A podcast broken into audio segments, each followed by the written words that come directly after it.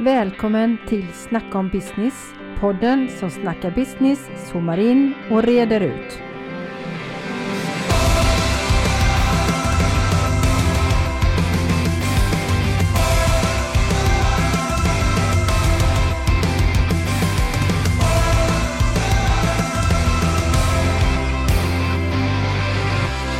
Detta avsnitt zoomar jag in på vikten av att du som företag förstår dina medarbetares värderingar och ser till individens behov för att navigera i en VUCA-värld.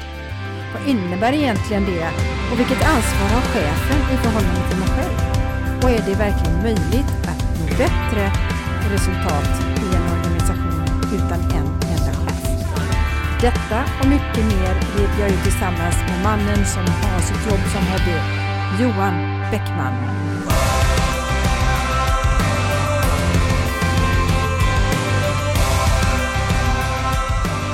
Välkommen Johan! Tack så jättemycket! Ja, kul att du är här.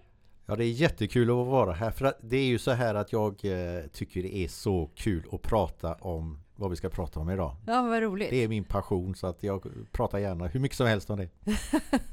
nu är det så att jag brukar försöka hålla mig till ungefär 35-40 minuter. Räcker det tror du?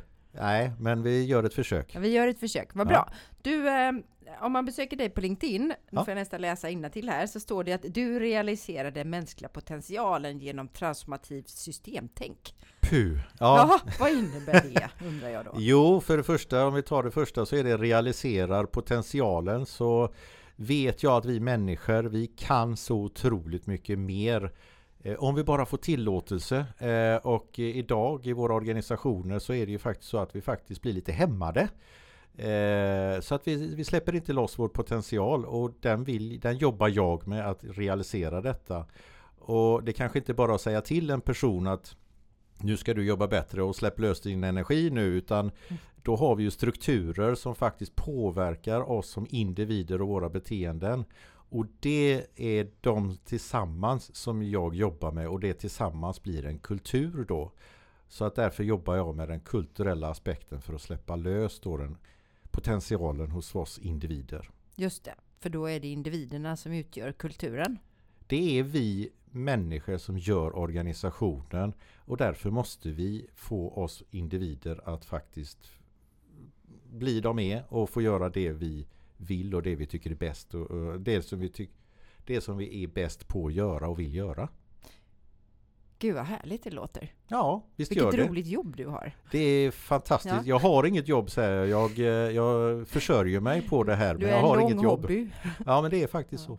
Men du, eh, berätta lite kort. Vem är du då? Eller när du, ja, hur hamnade du här? Ja, hur hamnade jag här? Det är en lång historia. I grund och botten, jag är en kantig ingenjör brukar jag uttrycka mig. Som jag är utbildad ingenjör i automation och kvalitet och effektiviseringar.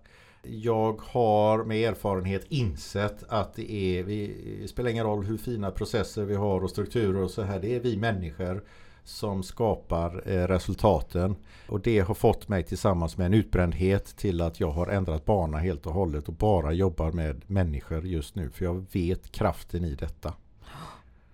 Och så viktigt. Så viktigt. Och det jag gör egentligen det är ju att jag, jag har faktiskt förmånen att jobba med väldigt många VDR och ledningsgrupper och att hjälpa dem att gå från att bli en grupp till ett team.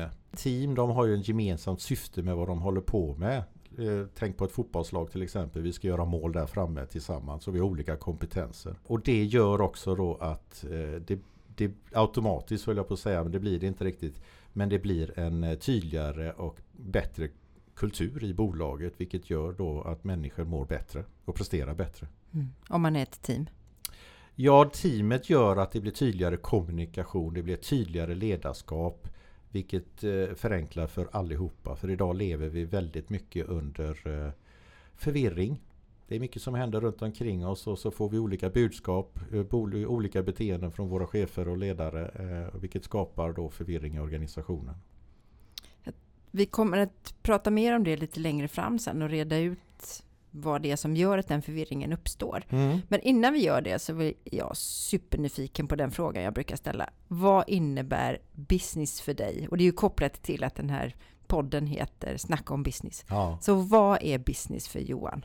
Jag, jag älskar eh, namnet på podden för det första. Eh, let's, eh, låt oss prata om business. Och då säger jag Let's get personal. Ja. Säger jag då. För det, det, handlar om individen återigen då. Så business för mig när du ställer frågan. Det första som slog mig var att ja men det är en affärstransaktion mellan två parter. Men sen så kommer det ganska naturligt att, att Idag så gäller inte den devisen som fanns förr med just affären i fokus. För business det behöver inte generera pengar utan Företagande idag för mig och business det är att vi måste värna om alla våra intressenter. Intressenter kan då vara aktieägare, det kan vara ägare, det kan vara medarbetare, kunder, eh, samhället, världen. Och de, idag har vi faktiskt bolag som är då som är intressestyrda så att säga. IKEA är ju ett typexempel på, på att vara intressestyrt bolag. Då. Men idag är det väldigt mycket mer hållbarhet som kommer in i bilden också. Ja men det är spännande det där att, det är, att hållbarheten har svävat upp som en så viktig del i business idag. Mm. Jag träffade ju Thomas Hagbard i min förra podd jag vet inte om du har lyssnat på den? Den lyssnade jag på. Jag tyckte den var jättebra och eh, hans beskrivning av, av vad business var, jag håller med till 100 procent. Mm. Han nämnde de tre P'na, eh, People, Profit och, och, Planet. Just det. Jag mäter ju kultur med ett verktyg som vi kommer att prata lite mer om, Barrett Model. Och eh, med det verktyget så idag så kan vi också eh, relatera den företagens kultur med de fem P. För det är faktiskt utbyggt eh, idag med, med FNs fem P. Det är Prosperity, People, Peace, Partnership och Planet. Så de globala målen är kopplade till de här fem och idag så kan vi faktiskt göra den eh, korrelationen att mäta kulturen kopplat till de globala målen. Och det tycker jag är så vansinnigt häftigt. Och det visar ju också vilken att det är så viktigt för vi har bara en planet och eh, vi håller på att förstöra den så vi måste agera med en gång. Vi kokar ner till det. Ja, annars har vi ingen business överhuvudtaget om vi inte Nej. tar hand om planeten. Det sa ju Thomas, there is no business on a dead planet och den är så talande. Exakt. Men idag ska vi prata lite grann om, om värderingar, framförallt kopplat till den snabbrörliga värld vi lever i idag. Mm. Och eh, jag tänker att det är väl lika bra att vi kör igång. Mm, gärna.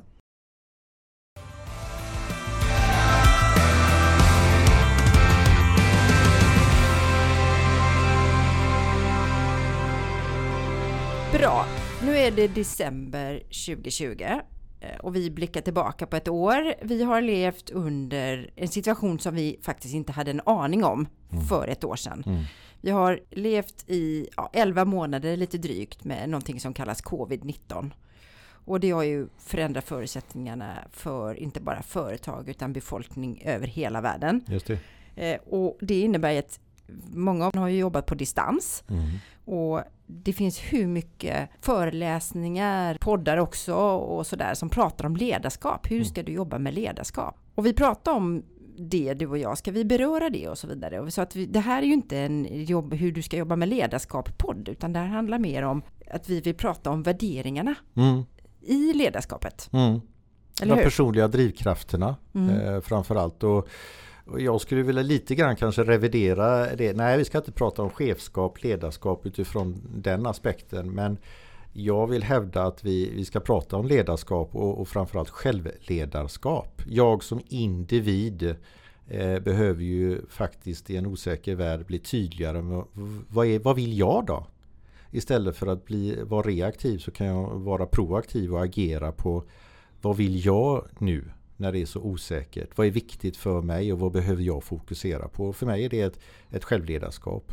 Mm leading self. Ja, så jag, så jag säger vi behöver mer ledare i världen. Vi behöver mer ledare i världen. Mm. Mm. Alla ska och vara det gäller dig och det gäller mig. Ja. Vi behöver leda oss själva helt ja. enkelt. Ja, det låter ju det låter ju faktiskt väldigt sunt. Ja. Eller hur? Ja. Men eh, när vi går in nu och pratar värderingar. För mig är värderingar så brett uttryck och det är bara för att vi ska kunna ge lyssnarna någon form av bild av vad är värderingar i det här samtalet, i den här podden? Ja, det snackas ju otroligt mycket värderingar nu, speciellt i covid-tider om, om eh, vad som händer med oss individer och, och eh, enligt mina värderingar så ska vi göra det och det och det. Eh, och jag märker det när jag coachar många personer, när jag eh, är inne i grupper eller företag och jobbar med kultur och värderingar så, så är det, det är inte ett samt, samsyn på vad det är för någonting. Alla människor har ju behov. Behoven styr oss om vad som är viktigt här och nu. Exempel det är ju att eh, om jag mår dåligt, vilket har, många har gjort nu då, både psykiskt och rent fysiskt, så vill jag ju bara bli frisk. Och då är fokus för mig att bli frisk. Mm. Eh, och det är mitt behov.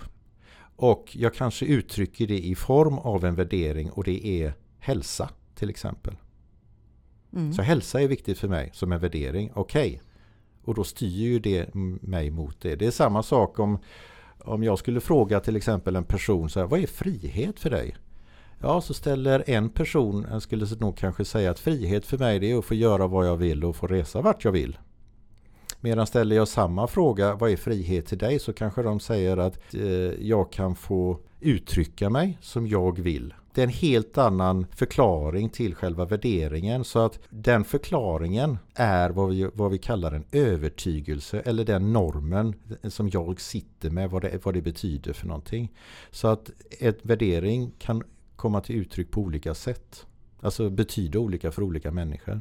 Tolkar jag det rätt också att värderingar kan förflyttas vid brist på exempelvis då hälsa. Så ja. värderar jag hälsa högre än om jag är fullt frisk. Ja, när du är fullt frisk. Man säger ju det att är jag, är jag sjuk så har jag bara en önskan och det blir frisk. Mm. Är jag frisk, ja då har jag hur många önskningar som helst. Så att då är inte fokus på att bli frisk längre, då är det någonting helt annat. Så att fokus, mina behov här och nu, det är det som avgör. Och, och det är egentligen bara en rubrik som vi sätter på det. Och här skulle jag vilja påpeka att en värdering är inte någon grund och botten. Det är mer en rubrik som förklarar vad jag menar med det. Så säger jag ordet, det är ett löjligt exempel kanske, men säger jag ordet hund, vad tänker du på då? Oj, ordet hund. Då, ja. Men då tänker jag på eh, en glad liten eh, som viftar på svansen. Ja, mm. och, och, för mig, du förklarar inte ens vad det var för hund, du förklarar en egenskap. Ja. För mig när jag tänker hund så tänker jag på min lilla hund som jag hade när jag var tonåring som heter Sofie. Det var en canterrier, en brun canterrier. Och då har vi totalt olika bild av samma ord. Men viftade den på svansen då? Den viftade på svansen, den hade en svans. Så det här är liksom din mm. bild av vad en hund är och min bild av vad en hund är. Det är samma sak när vi pratar värderingar för alla företag. De går ju omkring och säger det här är våra kärnvärderingar. Precis. Och pratar inte vi om vad den här värderingen betyder så är den helt värdelös för företaget.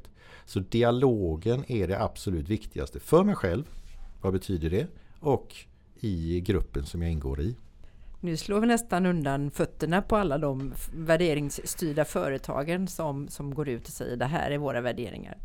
Nej, det skulle jag inte säga. Är de värderingsstyrda så tror jag att de har en, eh, en dialog i, i organisationen för då kan de vara värderingsstyrda. Däremot så slår vi undan fötterna på de som säger att det här är våra kärnvärderingar och så finns det enbart på planscher och broschyrer och lite filmer där de inte pratar om det. Men om man nu pratar då om att värderingar, det är ju individer som har värderingar. Mm. Och individer ingår ju i en grupp och du pratade om att du jobbar med att göra en grupp till ett team. Ja. Och sen så har vi utanför det så har vi en organisation och så vidare. Mm. Vad händer nu då med hela den här ekosystemet, kan man kalla det det? Ja. Under en situation som den vi har idag. Du, du säger ekosystem och, och, nu kommer jag på att jag svarar inte på din fråga när det gällde vad det är system, system systemtänket, integrerat systemtänk till detta. För det är ju det ekosystemet som jag mm. pratar om. Vi måste ta hand om både beteenden, värderingar och den här strukturen som vi har. För det är det som styr oss tillsammans. Det är värderingar plus, plus de här beteenden enligt strukturerna som skapar kulturen. Och vi människor då, om vi går tillbaka till behoven som vi har jag har ju ett sätt med värderingar som är viktiga för mig här och nu. Och det är de som kommer styra mitt beteende och vad som är viktigt för mig och de behöver jag få tillgodosedda här och nu. Och som exempel, jag kan ta olika, vi har olika behov för de kommer i olika nivåer. Och eh, det finns ju mycket forskning på det här med, med mänsklig utveckling, motivationsforskning och sådär de stämmer relativt väl överens med varandra men de har olika, kanske olika nivåer, de har olika antal och så vidare här. En som jag jobbar med heter eh, det är Richard Barrett som har tagit fram den modellen och det är Barrett Model, Barrett Analytics där vi kan mäta kultur.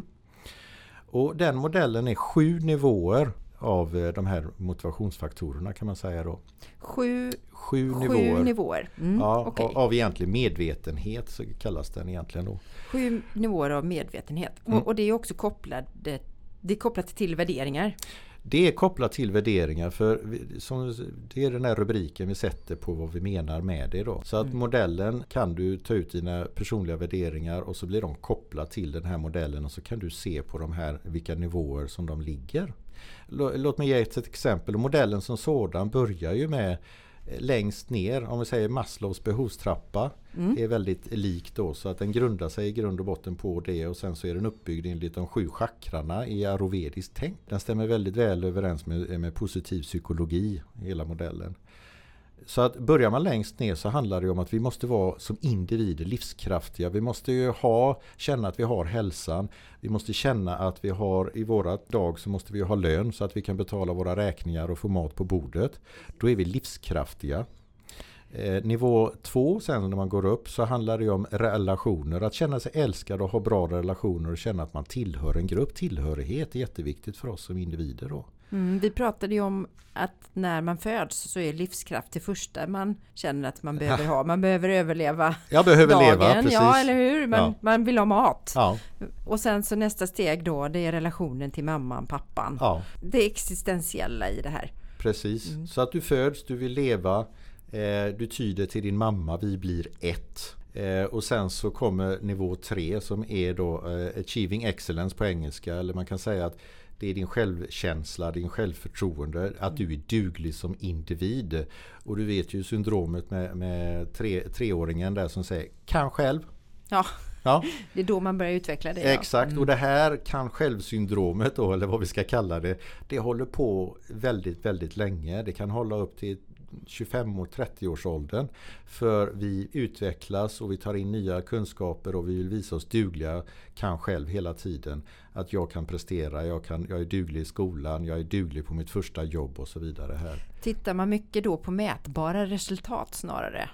Ja, i vårt samhälle så gör vi ju det. Mm. Idag säger vi ju att vad duktig du är och då är ju det en värdering eh, på att du presterar gentemot någonting förväntat. Istället i barnpsykologin idag pratar man ju mycket om att säga att var det roligt? Vad lärde du dig? Hade du kul? Så att man tar bort den här prestationen men vi har väldigt mycket av prestation fortfarande då. Så att de här tre nivåerna, att vara livskraftig, att ha bra relationer, att eh, känna sig duglig. Det är de som är de inre motivationerna. Det är det som driver mig som individ. Och här kan vi också då vara vi kan vara rädda att inte vara livskraftiga. Vi kan vara rädda att inte ha bra relationer. Vi kan vara rädda att inte känna oss dugliga. Vilket gör att vi får överdrivet fokus på de här nivåerna. Och det innebär att känner jag mig inte att jag har tillräckligt med pengar till exempel. Ja då kan jag ju börja bli girig och vilja roffa åt mig så mycket som möjligt. Och det är ju inte ett trevligt beteende. Om du känner att du vill stå i bra dagar med någon person och du vill ha en bra relation med någon annan på nivå 2. Ja då kan du börja skylla på andra eller manipulera andra för att komma åt en bra relation med den personen då. Men det är heller inget bra beteende. Nej, verkligen inte. Och sen har du också på nivå 3 där då som handlar om att vara duglig.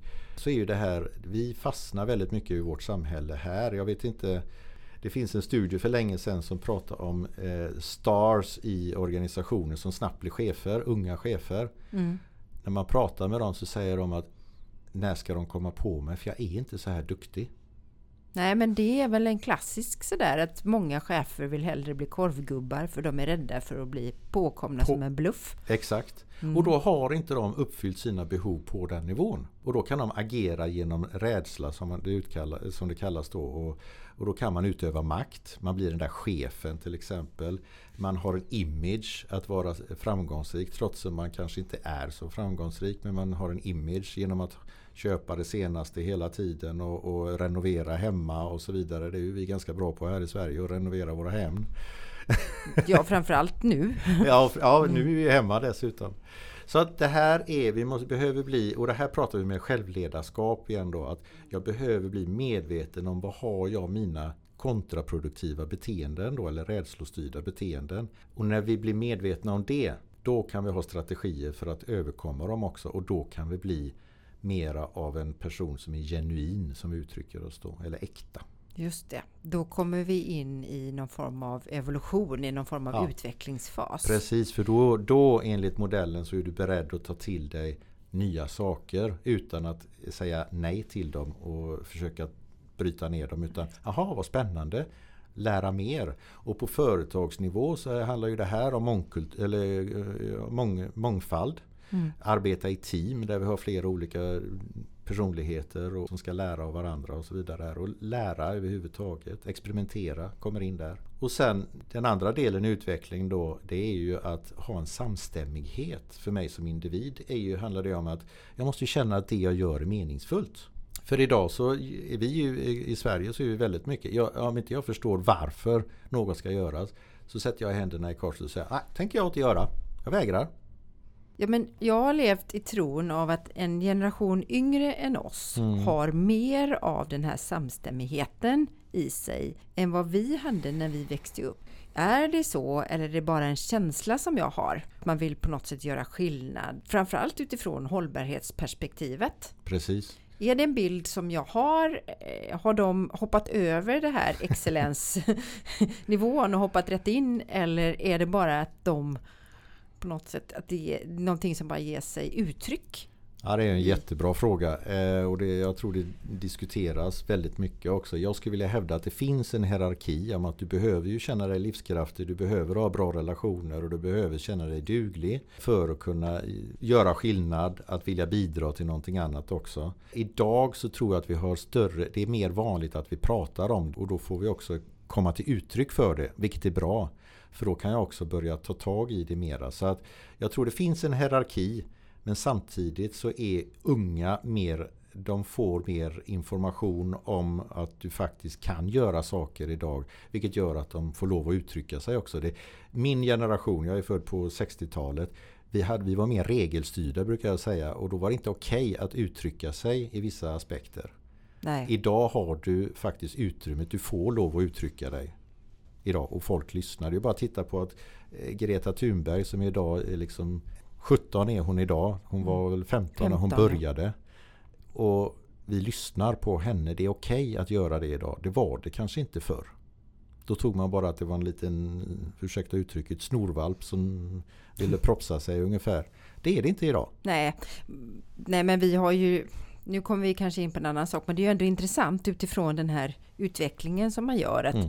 Barn idag har ju större inverkan på en familj och de mm. beslut man fattar än vad man hade för hundra år sedan. Hur det har förändrats. Ja. Att barnen sitter till mångt och mycket i förarsätet. Ja. Sen vad det gör för deras utveckling i det här och hur vi kommer se det i framtida näringsliv. Det är ju en fråga. Mm när många har en självkänsla samtidigt som de också mäts väldigt mycket i excellens där ja. barnen ska gå i idrott. Inte bara en idrott utan många idrotter. Men ja. det är en annan fråga men det är ändå intressant. Ja, det är jätteintressant. Men det är ju så att, att det är därför jag säger att den är hierarkisk också för att du, hela vårt samhälle, skolan, du mäts på betyg, hur mm. duktig du är. Du mäts på saker när du börjar jobba och du vill visa, du vill visa dig duglig. Så därför fastnar vi på nivå 3 ganska mycket.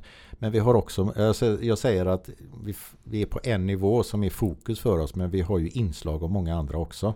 Så därför kan en yngre person ha inslag av att vilja göra skillnad i världen. Den riktiga drivkraften kan faktiskt ligga på en lägre nivå. Så när, när, vi ser som människor, därför så ser vi meningsfullheten och det är viktigt för oss. Och det är det som pockar på uppmärksamhet. Därför blir vi utbrända kanske i 30-40 års åldern. För att om inte vi har meningsfullheten i vårt liv så mår vi dåligt, energin går ner och vi har lågt engagemang på jobbet. Vi, har vi känner oss stela i kroppen, vi, vi, vi får ont i huvudet och så vidare här och det här kan leda då till större orsaker och så utbrändhet i slutändan då.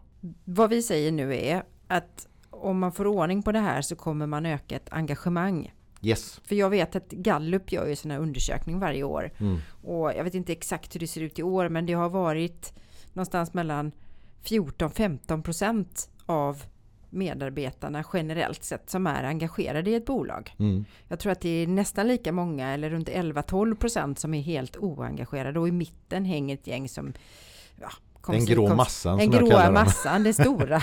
ja, och det är klart att det är svårt att bli framgångsrik om det ser ut så. Ja. Kan det här vara en av kärnorna till att faktiskt komma till bukt med det här då? Jättebra. Eh, ja, ja, absolut. Jag säger så här att tittar vi på eh, mätningar som görs på värderingar av oss i Sverige till exempel så hamnar vi väldigt mycket på relation är viktigt för oss, meningsfullhet är viktigt för oss och utveckling, att lära nya saker är jätteviktigt också. Men fokus för de flesta företag innan covid men också under covid har ju varit pengar. Vi får inte förlora pengar, vi måste ha vinst, vi måste ha försäljning. Där är fokus och sen så har vi också fokus på att våra processer eh, våra strukturer. Vi ska, vi ska uppnå excellens i det vi gör. Vi tweakar här och där för att uppnå några extra procent här och där. Vi gör inga större förändringar men vi försöker förbättra oss i alla fall. Så de här nivåerna möts inte mellan mig som individ som då har fokus på, på det här med, med meningsfullhet och utveckling medan företagen har fokus på något operationellt när det gäller processer och på kostnadsbiten och vinst och så här. Så vi möts inte och därför så har vi, vi har, vi har ingen dialog däremellan de faktiska behoven av oss som individer och vad vi fokuserar på i företagen. Så det här, därför enligt mig då så har vi ett lågt engagemang för att vi får inte våra behov tillgodosedda på företaget. Nu säger jag det finns många företag som faktiskt gör detta men på de allra flesta så är det faktiskt på det här sättet. Superintressant. Nu, jag vet att det finns ytterligare nivåer på den här för nu berörde vi fem steg tror jag. Mm. Ja, du kan komma ännu högre upp och det är mer, mer själsliga och mentala bitar som, som utvecklas. Och, och ju äldre du blir, ju mer du är utsatt för, ju mer inser du att det, det är komplex värld vi lever i och ser att det hör ihop allt mer. Och att ju äldre vi blir så vill vi också bidra tillbaka till de yngre, tillbaka till samhället att göra skillnad helt enkelt. Så när vi ser meningsfullheten i det vi gör, då vill vi göra skillnad och samverka med andra för att göra större skillnad tillsammans. Det vill säga samma, samverkan mellan varandra. Och sen har vi den sista nivån. Och den är att det jag gör, det ska bidra till planeten kan man väl säga. Det, jag behöver inte se ett resultat här och, och, nu utan jag vet att det jag gör är rätta mm. för världen. Så det är de sju nivåerna då. Är detta generellt en utveckling som sker med åldern? Ja, det är det. Äldre säger gärna att de gärna vill bidra tillbaka. De vill vara mentorer åt yngre i en organisation till exempel. Man vill bidra i, tillbaka till eh, sina barn givetvis. Att man vill hjälpa till i fotbollslaget eller idrotten. Köra, eh, träna eller vad det nu må vara. Då vill man gärna bidra när man har den här meningsfullheten. Och ju äldre du blir ju mindre säger Jag hör så många eh, högre chefer som säger att Du vet Johan, jag har kommit upp i den här åldern så jag skiter i vad folk tycker och tänker om mig. Jag gör som jag själv vill. Ja, det känner man igen. Ja, och, och det är ju ganska skönt att, att inte behöva bry sig då på nivå 3 som har med, med image och duglighet att göra mm. utan jag är som jag är, jag vet att jag är bra och därmed så kan jag bidra till större i samhället också då. Och står för det på ett helt annat sätt. Jag drar bara en liten parallell och jag vet inte om det är en hit, men jag tänker när man vaskar fram presidentkandidater i USA så lyckas man ju bara få fram ett gäng över 70. Det kanske faktiskt är bra utifrån det perspektivet då. Mm, vi behöver inte gå dit. Nej, det behöver vi inte. Det, det intressanta här nu, nu, nu säger du faktiskt en sak här att med modellen, och det här kanske vi kan eh, tillhandahålla till lyssnarna också efteråt att det finns faktiskt den här modellen, han som har gjort modellen Richard Barrett 2010 så läste han en managementbok skriven av Donald Trump och gjorde en utvärdering på honom enligt vad han läste i boken. Jättespännande, tio år senare nu att läsa vad han skrev där i.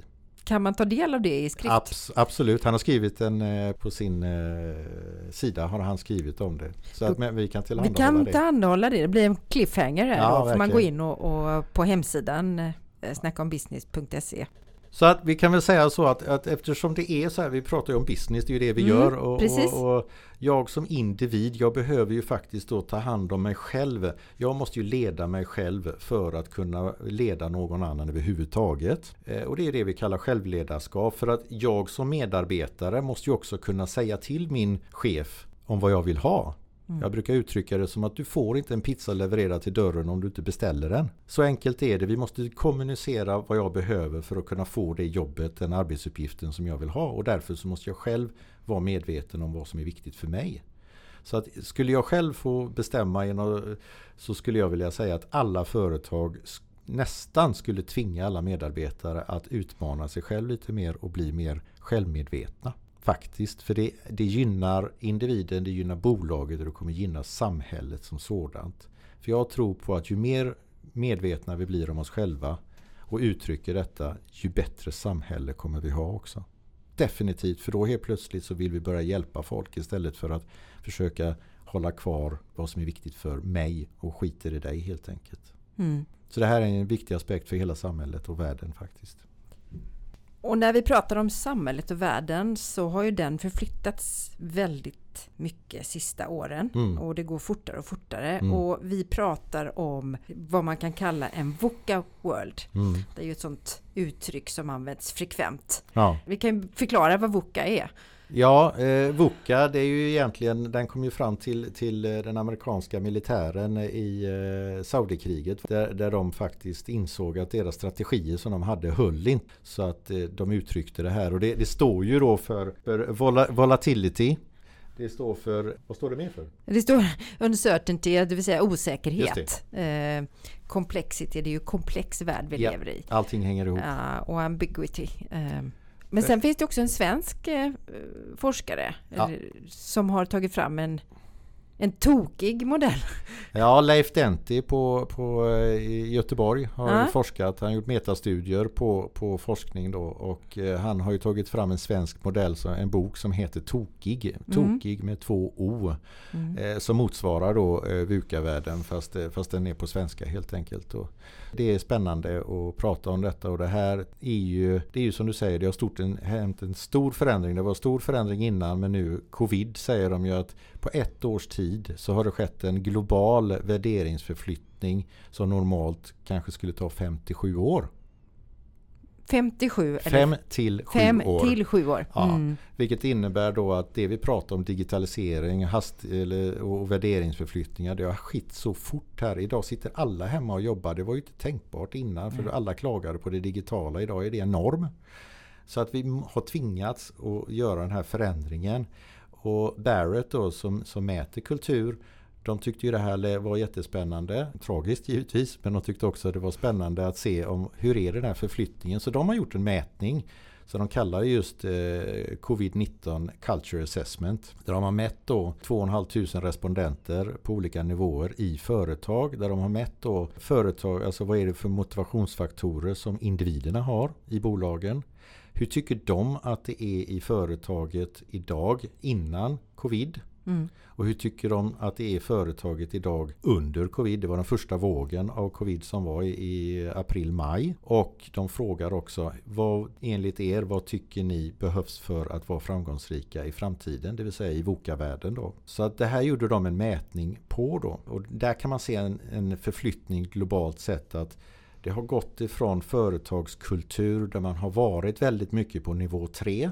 Det vill säga det har varit mycket på eh, excellence, achieving excellence, processer och sådär. Men också på nivå 1 som handlar mycket om, om kostnadskontroll och vinst, profit och kontroll i organisationen till idag till, eller när det eh, var första vågen till mera mänskliga, mänskliga aspekter. Det vill säga det har varit förvirring men det är, vi måste fokusera på att människan, våra medarbetare mår bra. Mm. Det har också varit ökad kommunikation om vad som händer varje vecka. Så att det har blivit mer mänskligt i bolagen. För vi är numera på, sitter i samma båt och alla har varit förskräckta och då då växer den humana aspekten i det hela. Och den här förflyttningen till den mänskliga aspekten är faktiskt det som efterfrågas för att vara lönsamma framöver också. Eller lönsamma framgångsrika ska jag säga. Så att det vi länge har pratat om, i alla fall vi organisationskonsulter, satsa på individen. Det är individen som skapar organisationen, det är individen som skapar resultat. Vi är där. Vi måste ta hand om behoven hos medarbetarna idag. Och tittar man också på studien vad den säger om vad behövs framöver då så skiljer sig det lite grann mellan eh, medarbetarna och eh, ledningen, exekutiva ledningen. Där medarbetarna och mellancheferna de vill ha tydliga riktning och tydlig kommunikation. De vill också ha fortsatt eh, fokus på medarbetarna, att utveckla dem och att de blir involverade och delaktiga. Ledningsgrupperna har sagt att de vill ha öka fokus på innovation och flexibilitet som organisation. Och de vill ha ökat fokus på hållbarhet. Innovation och, och hållbarhet. Ja, och för mig mm. så är detta resultat av om man, om man fokuserar på medarbetarna. Så att det är inget motstridigt på något sätt. Tvärtom. Ska mm. de få innovation så måste vi fokusera på medarbetarna. Och kanske då lösgöra många strukturer som finns i organisationen och skapa mer tillitsfullt ledarskap helt enkelt. Och då kommer man ihop och knyter ihop säcken med förra avsnittet med det här triple bottom line profit People mm. Planet. Eh, för då åstadkommer du det på ett helt annat sätt. Där du faktiskt blir som organisation mer som en istället för vad alltså du har en strategi för eh, nästa år, du har en budget för nästa år, du har ju många rullande budgetar. Mm. Men strategier brukar vi sätta en gång per år. Säg det företaget som har kvar sin strategi från i början av året. Nej det, nej, det går ju inte. Det nej. har ju varit helt... Och även budget för nästa år. Jag vet ju att det är många som får lämna in den, men de sticker upp fingret i luften och känner... Ja. Det är gissning. Det blir nästan löjligt, mm. ursäkta mm. uttrycket. Så att tittar man framöver nu på... Alltså det har ju varit under många år också. Nu börjar man ju prata om, för att släppa lös de här strukturerna. Ta bort processerna, ta bort, skapa mera ledare, medarbetare slash eh, ledare i organisationer. Och idag pratar man ju om syftesdrivna bolag.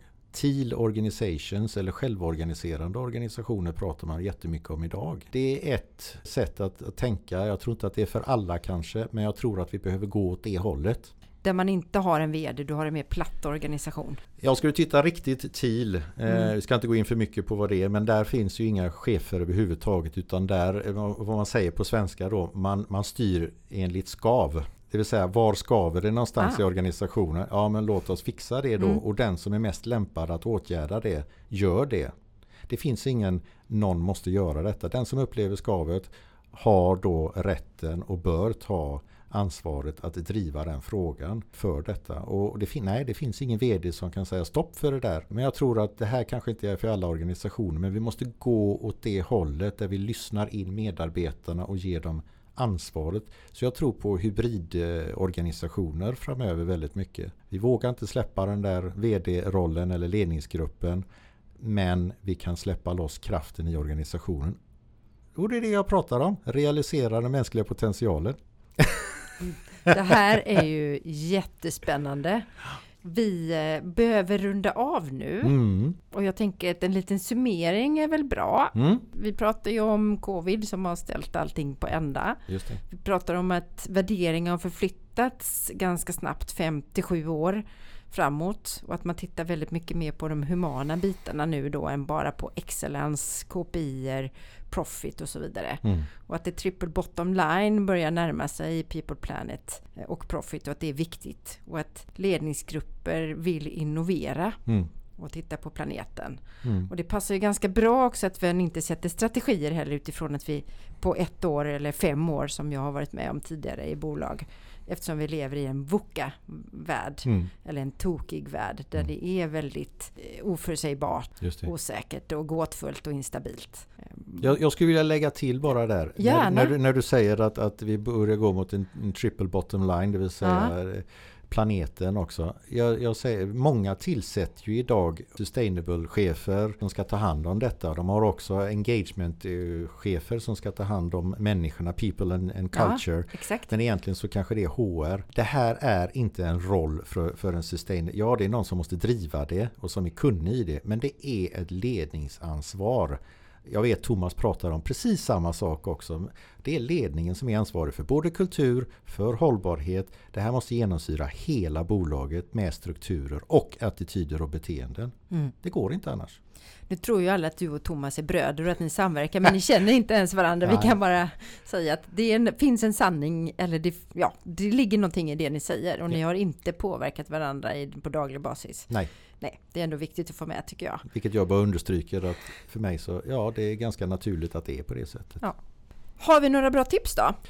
Eh, jag säger alltid, när jag jobbar med ledningsgrupper eller med grupper överhuvudtaget, så säger jag alltid till dem att man ska gå in på en länk och göra en, testa sina värderingar. Och då är det att man ska ta ut tio stycken värderingar som bäst beskriver vem du är idag. Inte vem du vill vara eller vad du tror förväntas av dig, utan vem är du? Och det kan man göra på en länk som är Values Center. Det är Values med ett S och mm. Center med re.com snedstreck PVA står för Personal Values Assessment. Ta ut de eh, tio stycken värderingarna, få en pdf-rapport skickad till dig. Då får du dels modellen och dels så får du dina värderingar plottade i den här modellen och så står det vem du är. Spännande va? Är det kostnadsfritt? Det är helt gratis och dessutom så får du reflektionsövningar som jag definitivt rekommenderar att göra för dig själv. Ta dig tid, gör reflektionsövningarna och sen prata med din respektive, någon kollega eller någon vän. För det viktiga är att prata om dem. Hade jag varit ledare i en ledningsgrupp eller i ett team så hade mm. jag gjort detta med mina medarbetare pronto mm. och diskuterat det för mm. att förflytta oss och, och framförallt se om det finns stora klyftor någonstans eller skillnader. Ja, eh, det kan man göra när man gör en mätning men bara att ta sina personliga värderingar och sen prata om dem med någon annan. Jag gör detta med varje grupp jag gör och de kommer alltid tillbaka och det kanske är en timmes övning där de säger Gud, vi trodde vi kände varandra. Men nu gör vi det på ett djupare plan. Mm. Och då kan du ha personer som har jobbat med varandra i flera år. Så det är magiskt. Det Snacka om teambuilding. Det är teambuilding. Mm. Det kommer vi behöva ha. Team i VUCA-världen. Team behöver vi och framförallt vi behöver samverkan med andra. En sista klurig fråga. Mm. Det är ju vilken låt har betytt? Det såg så, vad kommer nu? Ja, precis. vilken låt har betytt mycket för dig genom åren och som du, när du har liksom kämpat dig fram? Eh, ja, det är ju många. Jag, jag skulle vilja påstå att när jag, när jag lyssnar idag mm och speciellt med tanke på det vi pratar om. Jag har ju som sagt varit utbränd själv också. Och en låt som peppar mig som jag tycker passar detta det är Personal Jesus med Depeche Mode. Åh, oh, jag älskar Depeche Mode. Det ja. kanske är våran generation i och för sig. Ja, men jag tycker den också är, det är bra låt, tung låt, eh, vilket pumpar upp eh, adrenalinet och, och, och eh, alla våra, våra goda hormoner. Men den är också personal Jesus. Och det är lite grann skulle jag vilja påstå att det är vår nya religion. Personal Jesus. Det är upp till dig att faktiskt ta hand om dig. Självledarskap. Vilket bra avslut. Mm. Då lämnar vi över till Personal Jesus. Tack för det. Tack. Tack Hej själv. Då. Hej.